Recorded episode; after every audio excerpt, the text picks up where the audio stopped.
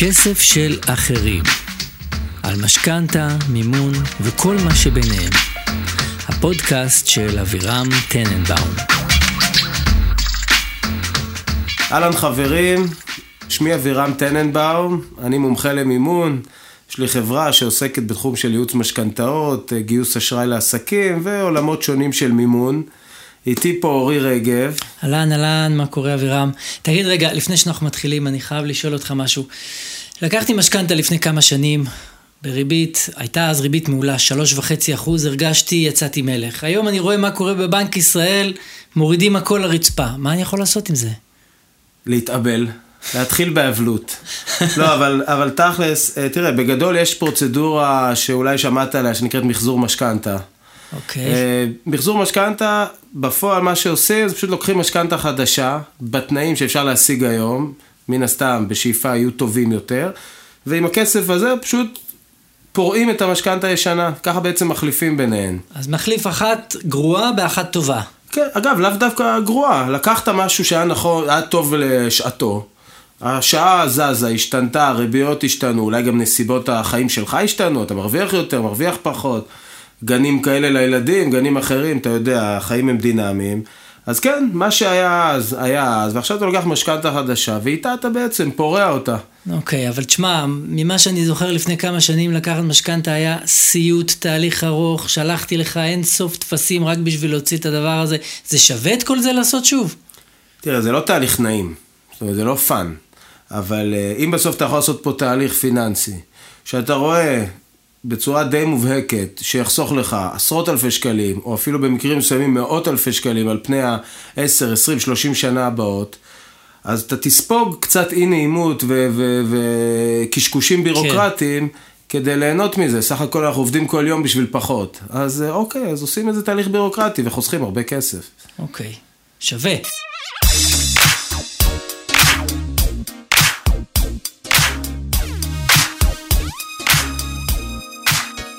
אז מה, מה הסיטואציה שבשבילם אני צריך לשקול בכלל לקחת משכנתה חדשה? אז תראה, בראש ובראשונה, הרוב המכריע של האנשים עושה מחזור כדי לשפר את התנאים. בדיוק כמו שהצגת בהתחלה. לקחת משכנתה בריבית מסוימת ומסלולים מסוימים לפני זמן כלשהו, והיום אתה יכול להשיג תנאים משופרים, בין אם זה בגלל שהריביות המקובלות בשוק הן נמוכות יותר, אולי שווי הנכס עלה, אולי אתה בא בפוזיציה יותר טובה, כי פתאום יש לך עבודה מכובדת עם שכר גבוה, מה שזה לא יהיה. ואתה יכול להשיג תנאים משופרים, ואתה רוצה באמת שהבנקים יפסיקו להרוויח עליך את האחוזים המיותרים שאתה משלם, ולעשות ברור. את האופטימלי עבורך. אז באמת עושים מחזור, לרוב זאת הסיטואציה. לפעמים יש גם דברים שקשורים לנושא תזרימי, שאתה רוצה להגדיל או להקטין את ההחזר, גם בעקבות... Uh, סיבות מגוונות, אם ההכנסה גדלה, ההוצאות קטנו, נגיד עכשיו אה, לקחת את המשכנתה, שהיו לך ילדים קטנים, עם גנים פרטיים, הייתם בתחילת הדרך המקצועית וההכנסה הייתה נמוכה יותר, פתאום אתה גם מרוויח יותר, גם מבנה ההוצאות שלך יותר מרווח, ואתה אומר וואלה, יש לי פה הזדמנות להזרים עוד 3, 4, 3,000 שקלים לחודש למשכנתה, ובמקום שהיא תהיה פרוסה על 20 אה, שנה שנותרו לי, אני יכול לקצר אותה ל-10 שנים, 8 שנים, 12 שנה, מה שזה לא יהיה.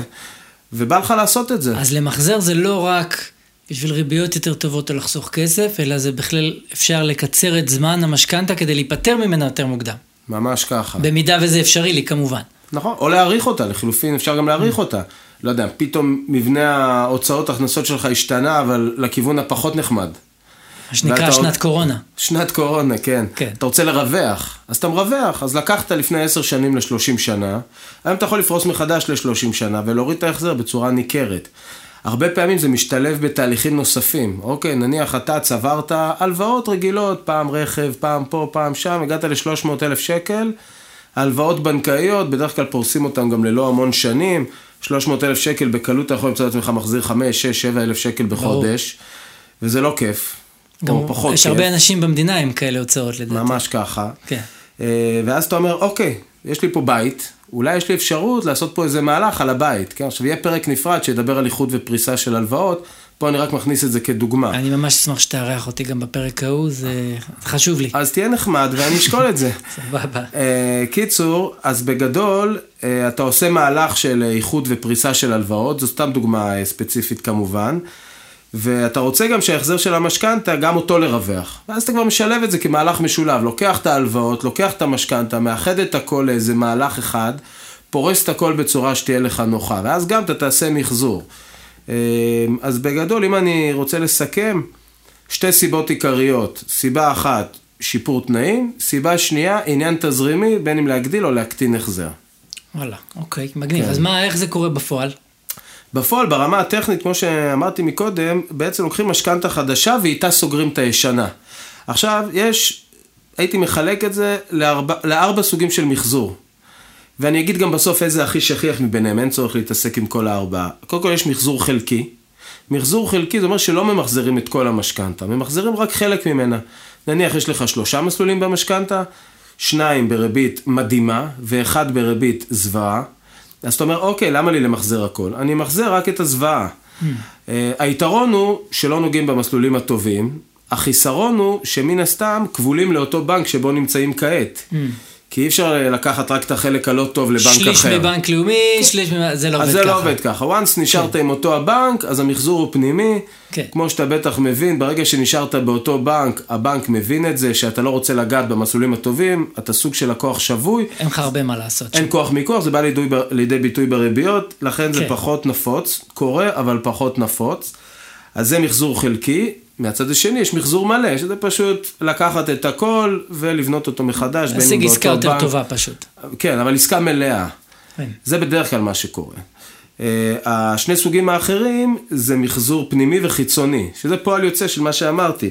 מחזור פנימי זה באותו בנק, מחזור חיצוני זה לבנק אחר.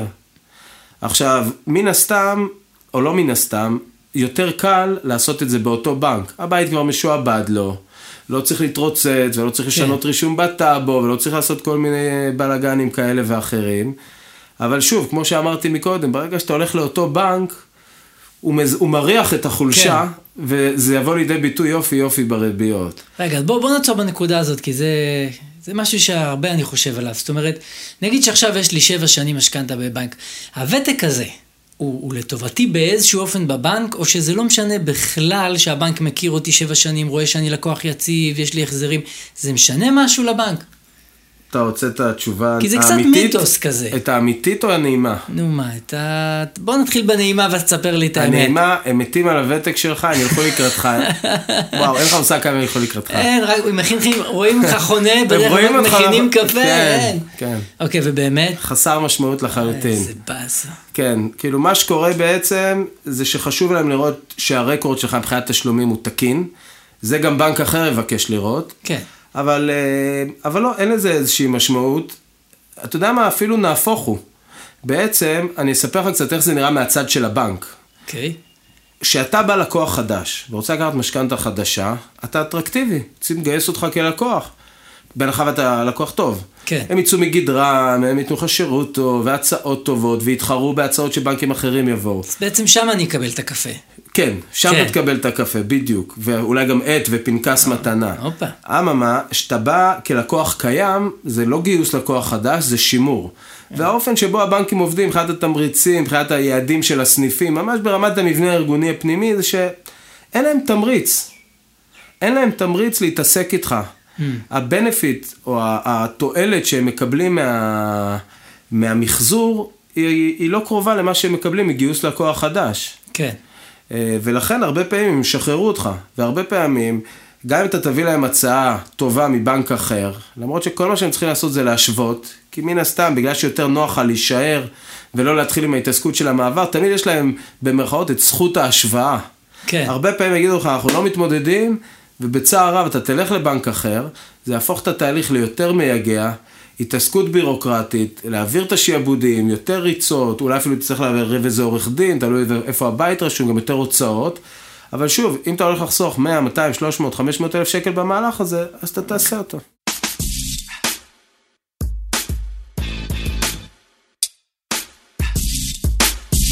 אוקיי, מעולה. אז דבר איתי רגע, אז מה חוץ ממני שכבר ברור שאני צריך מחזור משכנתה? אז למי זה טוב בעצם? עקרונית, כל מי שיש לו משכנתה, צריך לבדוק אותה אחת לתקופה כדי לראות אם אין דרך לחסוך כסף. זאת אומרת, יש לך משכנתה, זה לא שגר ושכח. אחת לשנה, שנתיים, אה, תעשה בדיקה, רוב חברות הייעוץ בתחום אה, נותנות את זה ללא עלות. אה, לבדוק בבנק שבו נמצאת המשכנתה זה קצת מפוקפק, מאותה סיבות של תמריצים, אינטרסים שדיברנו מקודם. כן. אז אחת לשנתיים זה נשמע לי פרק זמן סביר. כן. גם תלוי במידת המעורבות שלך. אם אתה בן אדם שקורא עיתונות כלכלית ואתה יודע שהריביות בשמיים, אז הריביות בשמיים. ואם אתה יודע שעכשיו מדברים רק על זה שהריבית אפסית, אז לך תבדוק. עקרונית זה בדיקה תקופתית ש... שמומלץ לעשות, אה, ושוב, היא ללא עלות, מינימום טרחה. הבדיקה עצמה זה להוציא מסמך מהבנק, דוח משכנתה, להעביר למישהו. אה, מה זה למישהו? ליועץ. ליועץ, כן. משכנתאות. ליועץ, ו- ושם זה מסתיים. מקבלים תשובה ללא עלות, ואז אם יש חיסכון משמעותי ומספיק תמריץ להיכנס למהלך, נכנסים למהלך. אוקיי, אז מה, כל הכיף הזה, כמה הוא עולה בתכלס? טוב, קודם כל אני שמח לשמוע שאתה מוכן להשקיע בתחביבים שלך. כן. זה דבר נחמד. אה, עקרונית יש עלויות מן הסתם. עוד מעט אני אתייחס ספציפית לנושא של אה, מה שנקרא בעגה העממית קנסות, קנסות משכנתה. במונח היותר מקצועי זה עמלות היוון, עמלות כן. פירעון מוקדם, יש לזה מגוון שמות, עוד שנייה אני אגיע לזה. אה, אבל יש גם באמת הוצאות שמוציאים מהכיס לטובת התהליך. אז קודם כל, ברוב הבנקים יש עמלה של רבע אחוז מגובה המשכנתה, שלוקחים אותה גם במחזור. אז נניח על משכנתה של מיליון זה 2,500 שקלים. אה, שאת וח... זה אני משלם לבנק שלוקח אותי או לבנק שאני יוצא ממנו? שלוקח אותך. לוקח. כן, במחזור פנימי בדרך כלל העמלות הן יותר נמוכות, שזה אחד מהיתרונות בלהישאר באותו בנק. אז יש את העמלה הזאת והיא גם ברת מיקוח. יש עלויות של אה, אגרות, אם, אם אתה נאלץ להעביר את השעבוד בין בנקים וצריך לעשות רישום מחדש בטאבו, במינהל, חברות משכנות, אז זה יכול להיות כמה מאות שקלים. אני יכול לעשות את זה עצמאית או שאני חייב עורך דין לכאלה דברים? עקרונית אפשר לעשות את הדברים עצמאית, מקסימום אולי איזה שליח אה, למינהל או משהו כזה, אבל, אה, אבל שוב, בזמן אמת אתה תעשה את החושבים, האם נכון לך להשקיע את הכסף במישהו שיסגור לך את הפינה, או שאתה רוצה לעשות את זה עצמאית. אז עקרונית יש לנו את ההוצאה הזאת של הדמי פתיחת תיק, שהיא הוצאה די משמעותית, בין אם מקבלים או לא מקבלים הנחה, אגרות ורישומים, שזה תלוי בסוג הרישום של הנכס. זה גם, זה לא סכומים אסטרונומיים, כמה מאות שקלים לרוב. אה, בדרך כלל תידרש לשמאות חדשה, כי אני גם יוצא מנקודת הנחה שעברו כמה שנים מאז ש... שלקחת כן. את המשכנתה המקורית וצריך משהו עדכני. וכמה זה שמאי בימינו? אז זה נגזר משווי הנכס, מבית של שלושה ארבעה חדרים בבניין דירות באזור הבין מיליון לשני מיליון, זה מאות שקלים בודדים. אם יש לך בית קרקע בשווי של כמה מיליונים וצריך שמאות בתקן יותר מחמיר, זה כבר יכול להיות כמה אלפים. אז זה, זה לגבי השמאות, אם אתה לוקח יועץ, אז זה עוד uh, סכום מסוים שאתה משלם לחברת ייעוץ. עקרונית, כן, זה כמה אלפי שקלים. צריך באמת uh, לראות טוב טוב שיש מספיק uh, בשר, מספיק כדאיות במחזור שמצדיק את ההוצאה הנוכחית היום בהווה. אז באמת יש לזה עלויות. מבחינת הלוחות זמנים, אז יש פה כמה שלבים לתהליך. השלב הראשון בעצם זה להוציא אישור למחזור. עכשיו אני מזכיר, זה ממש כמו משכנתה חדשה, כמו אישור עקרוני למשכנתה, זה אישור עקרוני למחזור. צריך להציג הכנסות והתנהלות בנקאית וכל הדברים הרלוונטיים. מוציאים אישור, בונים את התמהיל של המשכנתה החדשה, כי זה חדש לחלוטין, בהתאם למה שבא לך היום ומה שמתאים ונכון לך. על בסיס אותו תמהיל מול הבנקים שמהם הוצאת האישור, משא ומתן, ריביות, סחר סוסים. כל זה מההתחלה. מההתחלה, סחר סוסים עד שמגיעים להכי נמוך, אה, ומתכנסים לחתימה. אם אה, התמזל מזלך ואתה סוגר את זה בבנק הנוכחי, אחלה, שם רוב העבודה נגמרת. כן. Okay. גם אולי תצטרך להמציא ביטוחים חדשים, אבל, אבל לא יותר מדי. אם אתה הולך לבנק אחר, זה רק תחילתה של הסאגה הבירוקרטית.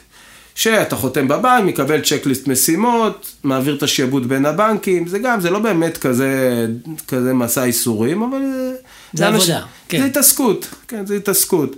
אמ, שוב, לא, לא טרגדיה, אבל אה, גם לא כיף גדול. תגיד רגע, מה, מהניסיון שלך, שליווית, אני משער כבר הרבה מחזורים כאלה, מתוך המאה uh, איש שליווית אותם, כמה באמת הלכו... הרבה יותר ממאה. הרבה יותר ממאה. ברור. בסדר, אז אני אומר... אל תשכח, עוד בימיי בבנק עשיתי מאות מחזורים רק.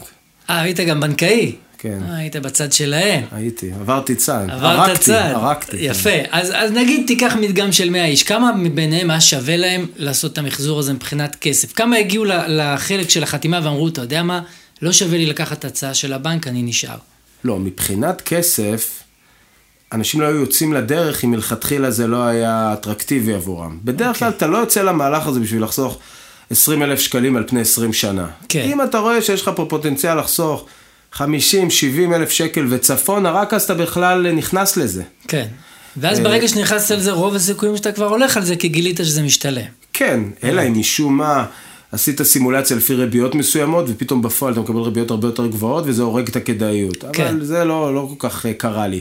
אבל אומר, אם כבר מישהו החליט לצאת למהלך, זה בגלל שהוא כבר הגיע להחלה, להבנה שיש פה חיסכון אה, משמעותי שהוא יכול לייצר. אחרת הוא לא היה יוצא למהלך הזה מלכתחילה. הרבה תהליכים נגדעים באמת בשלב הזה. בן אדם עושה בדיקה, או שאין כדאיות בכלל, או שהכדאיות גבולית. אתה רואה כדאיות 30 אלף שקל, 40 אלף שקל, עכשיו זה לא מעט כסף, אבל אתה צריך כן. לזכור שזה לא כסף שנכנס אליך לכיס עכשיו. זה כסף שאתה חוסך על פני שנים ארוכות, ואתה אומר, אוקיי, בשביל 40 אלף שקל, על פני 20 שנה, לא בטוח שווה לי להוציא אלפי שקלים עכשיו, וכל ההתעסקות, מי יודע אם בכלל אני אחזיק את המשכנתה הזאת לאורך כל התקופה. כן. אז אה, שוב, בדרך כלל אנשים שמגיעים כבר לשלב החתימה בבנק, משם זה כבר לא נתקע. יאללה, מה שנקרא, שכנעת אותי. יאללה, אז אה, אני אביא לך את הדף לחתום. רגע, עוד לא שכנעת אותי אבל שאתה היועץ שלי. זה בפרק זה אחר. בפרק הבא. בדיוק. כן. אז המושג השבוע זה הנושא של הקנס משכנתה. אז אני חייב לשאול אותך שאלה פה. תשמע, אין אף עסק בעולם שעובד ככה. אני משלם לו כסף, וכשאני מפסיק הוא גוב- הוא גובה לי על זה קנס. אתה יכול להסביר לי את הדבר כולנו היינו הנגד רוצים הזה? להיות אה, בעלים של בנק. מה זאת זה רק הדבר- אחת הסיבות. מה זה הדבר הזה? כל הזמן אני משלם לך, ואחר כך אתה לוקח לי כסף על זה שאני מפסיק לשלם לך? מה, אתה כן. גרושתי? בכלל? גדול. לא, אז תשמע, אני אגיד לך איך זה עובד, ואז תבין את הרציונל, וזה עדיין לא הוגן. אז uh, הרציונל הוא כזה, היום אתה בא לקחת משכנתה. הבנק, למרות מה שאנשים חושבים, לא מגדל את הכסף על העצים. הוא צריך לקנות אותו מאיפשהו, אוקיי? באמצעות אגרות חוב בבורסה, או כל מיני מקורות אחרים. כאילו אין לו את זה בסטוק במחסנים מאחורה? לא, אין לו את זה, לפחות לא שאני יודע. אז בעצם הוא קונה את הכסף במחיר מסוים, מעמיס עליו את הרווחיות שלו ומוכר לך. אוקיי. אז אם אתה חוזר כעבור חמש שנים ואומר לו, תשמע, זכיתי בלוטו, אני רוצה לפרוע את המשכנתה, או למחזר, זה היינו נוח, שניהם זה סגירה של המשכנתה. אז הבנק אומר לך, תשמע, אבל אני הלכתי, קניתי את הכסף, שילמתי עליו כסף טוב, ל-30 שנה, עכשיו אתה בא לי אחרי חמש שנים, מחזיר לי אותו לפני הזמן, מה אני אעשה עם הכסף הזה?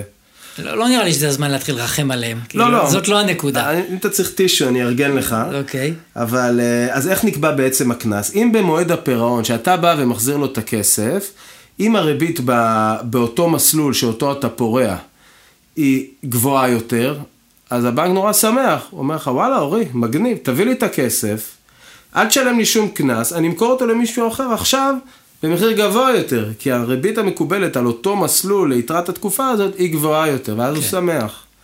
אבל אם הוא יודע שהוא לוקח ממך את הכסף, ועכשיו הוא מוכר אותו למישהו אחר, בריבית נמוכה יותר, כי אלה תנאי השוק במועד הפירעון, בעצם הקנס הוא פיצוי על ההפסד הזה שנגרם לבנק.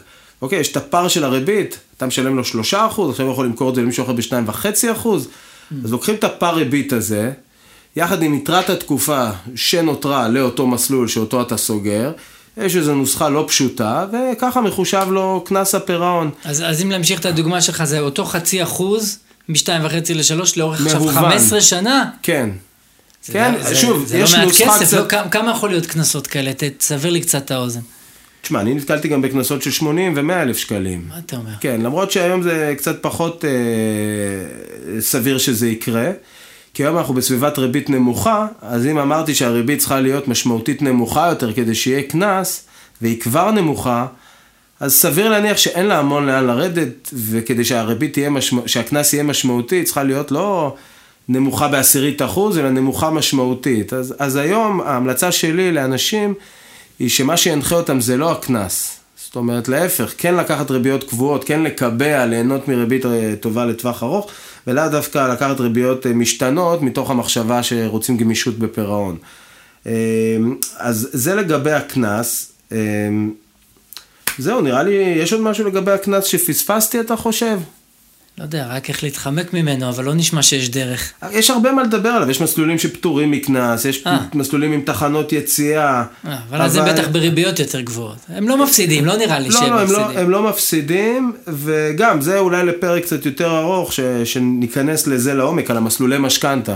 פה רק רציתי להסביר באמת איך מחושב הקנס, אה, ולמה גם שאומרים לך שאם אתה תפרע את המשכנתה טרם זמנה, אי אפשר לדעת מה יהיה הקנס, מכאן זה נובע. כי אנשים אומרים, רגע, מה זאת אומרת אתה לא יכול להגיד לי מה יהיה הקנס? אני רוצה לדעת בערך, זאת השאלה הכי לגיטימית. כן. בן אדם לוקח משכנתה של מיליון שקלים, יש אה, חצי מיליון מתוך זה שהם בלי תחנות יציאה, הוא חשוף לקנס כלשהו, משהו אמורפי כזה, הוא רוצה לדעת אפילו גבולות גזרה, אבל אתה לא באמת יכול לתת לו. מי נביא, כן. יודע מה יהיה עוד עשר שנים, ו...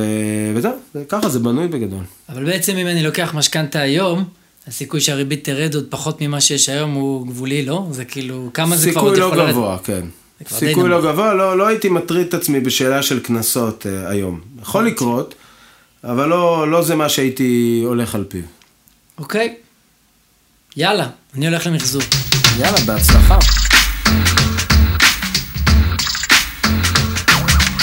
טוב, אז נראה לי שדי אה, עטפנו את הנושא. בטוח שיש עוד לא מעט דברים לדסקס, סך הכל אין לנו פה את כל היום. אבל אה, נתנו פה איזה מסגרת שעושה סדר בתהליך, בתועלות, באיך זה נראה. מקווה שזה עוזר, ושיהיה לכם אחלה יום. כסף של אחרים. על משכנתה, מימון וכל מה שביניהם. הפודקאסט של אבירם טננבאום.